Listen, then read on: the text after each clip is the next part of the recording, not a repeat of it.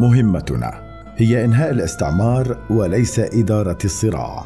للكاتب جان لوكا سوليرا. غاصت عقولنا بدوي الحرب مجددا. الصراع من أجل القدس من أجل الضفة الغربية من أجل غزة. وفي شوارع إسرائيل نفسها هي ليست صراعات مستقلة بل صراع واحد على الأراضي بين نهر الأردن والبحر المتوسط جميعها. يتطلب تفسير أحداث الأسابيع الماضية المتسارعة بين فلسطين وإسرائيل فهم الحركة الصهيونية التي حددت دولة إسرائيل وسنت أجندتها الوطنية وأسستها كحركة استيطانية استعمارية. حمل اليهود القوميون القادمون إلى فلسطين في أواخر القرن التاسع عشر أجندة واضحة للاستيلاء على البلد وتحويله من فلسطين العربية إلى إسرائيل اليهودية. واستمر السعي إلى هذا الهدف واستمرت دولة إسرائيل باستكمال هذا المشروع بهجماتها على التجمعات السكنية الفلسطينية في القدس الشرقية ونشاطها السريع لتهويد الجزء المحتل من المدينة. وهجومها الشامل على قطاع غزة وقمعها العنيف للاحتجاجات بين المواطنين الفلسطينيين في إسرائيل. توازي ذلك كله مع قمع عسكري في الضفة الغربية وتقسيمها إلى جيتوات. تعمل إسرائيل اليوم على حملة من الاستيطان الشامل مما يعني أن الاحتلال الصهيوني لفلسطين دخل مرحلة التطهير. أفضل ما يمكن للأحزاب الديمقراطية الغربية أن تفعله وخاصة اليسارية منها هو دعم ما يسعون إلى تحقيق مستقبل مشترك في إسرائيل وفلسطين. لقد كانت منظمة التحرير الفلسطينية محقة في منتصف التسعينيات من القرن الماضي عندما أعلنت أن إسرائيل كيان استيطاني يجب إنهاء استعماره واستبداله بديمقراطية شاملة.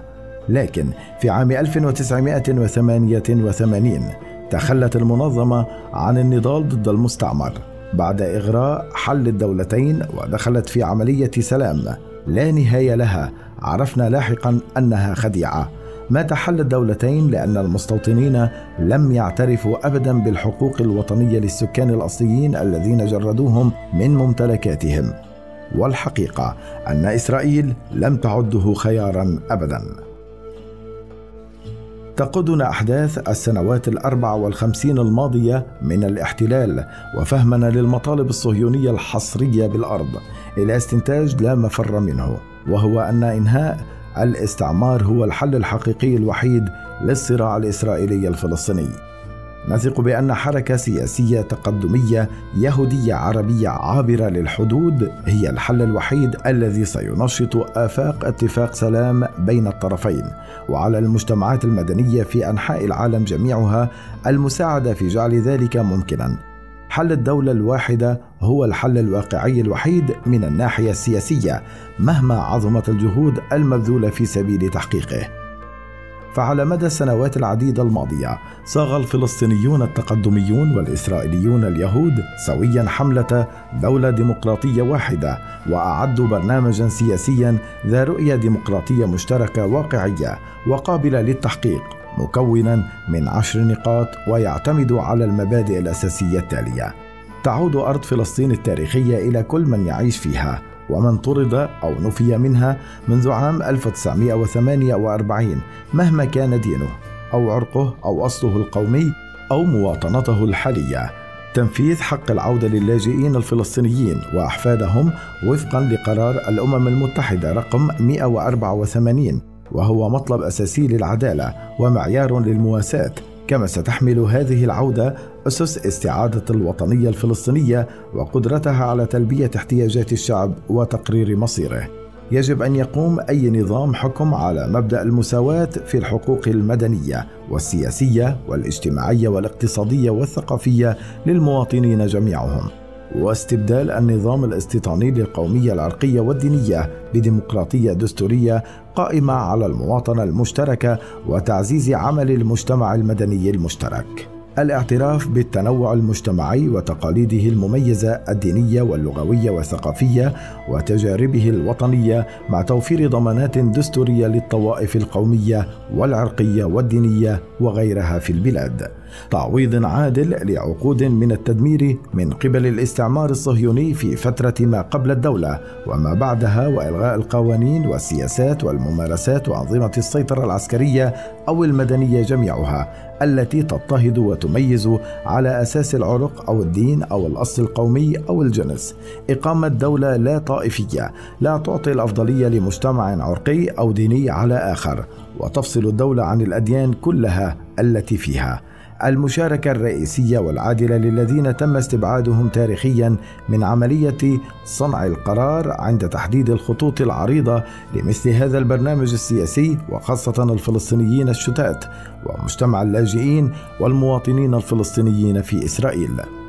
وضع خطة اقتصادية شاملة توفر الأمن والاستدامة والتوظيف الهادف وتعويض العادل بما في ذلك التمييز الإيجابي affirmative action للمواطنين الفلسطينيين واللاجئين على وجه الخصوص الذين يحتاجون إلى دعم والاندماج في سوق العمل الحديث بعد أجيال من التهميش. الاعتراف بالترابط مع العالم العربي الأوسع مع فسيفساء الهويات الدينية والثقافية في الشرق الأوسط. وعلى الدولة الجديدة الانخراط في تعزيز الهياكل الإقليمية والعالمية مع تحقيق المساواة والاستدامة. والتي على أساسها سنستطيع إنهاء الاستعمار المحلي في نهاية المطاف لربما تبدو فكرة الدولة الواحدة التي بدأت للتو بحشد المناصرة السياسية كلاما على ورق لكن الفلسطينيين دعموا فكرة الدولة الديمقراطية الواحدة على امتداد أرض فلسطين التاريخية لوقت طويل فهي كانت حجر أساس منظمة التحرير الفلسطينية.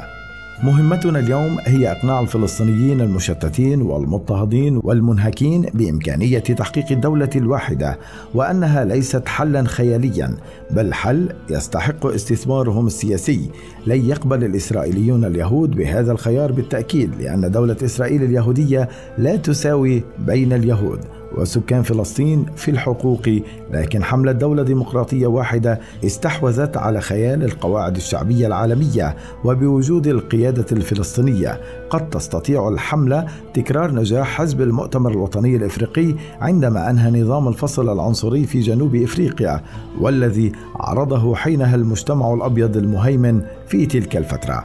يتصاعد في غضون ذلك الدعم الدولي لقوى التغيير الفلسطينية والإسرائيلية التي تعمل من أجل السلام العادل والمصير المشترك عقب الهجمات على حي الشيخ جراح والمسجد الأقصى وغزة. تخنق إسرائيل النقاش اليوم من خلال مساواة معاداة السامية بأي انتقاد يطال عنفها أو عنف المستوطنين. وعلى الرغم من نجاح هذه المنهجية بين الحكومات إلا أنها قوبلت بالرفض القاطع من التقدميين في أنحاء العالم جميعها ومنهم اليهود الليبراليين الذين يختارون حقوق الإنسان والعدالة الاجتماعية على دعم إسرائيل القمعية. على سبيل المثال منظمة الصوت اليهودي من أجل السلام وهي أكبر منظمة لليهود الأمريكيين الشباب في الولايات المتحدة وتعرف عن نفسها على أنها معادية للصهيونية. معالجة القضايا الأساسية هو ما سينهي حالة الصراع وبذلك على الحل أن يعالج وبدقة الأسباب الكامنة وراء الصراع وأن يستوعب منطقه وهياكله ونواياه وعليه فإنهم الصهيونية كمشروع استعماري استيطاني مستمر يعطينا المنظور الضروري لفهم سياسات إسرائيل ونواياها ويتضمن ذلك فهم الأحداث الفردية لعمليات إخلاء حي الشيخ جراح والاحتجاجات والاعتداءات على الأقصى خلال شهر رمضان والهجوم على غزة والنزاعات الطائفية التي اندلعت داخل إسرائيل. نهج حل الصراع الفاشل الذي اعتمدته الحكومات على مدى العقود الخمسة الماضية. هو في الواقع شكل من أشكال إدارة الصراع ليس إلا فهي لم تخدم سوى الجانب الأقوى أي إسرائيل. كما أعطت الشرعية الدولية لنظام الاحتلال والفصل العنصري والاستعمار والنهج العادل الوحيد سيكون بإنهاء الاستعمار. وحل الهياكل الاستعمارية واستبدالها بأشكال جديدة من المجتمع السياسي الشامل. حان الوقت لتجاوز حل الصراع إلى عملية تحرير تجمع الأرض بأكملها وشعوبها جميعا إلى مستقبل متساو وسلمي ومزدهر وآمن ومشترك. يعبر المقال عن وجهة نظر الكاتب وليس بالضرورة عن رأي رصيف 22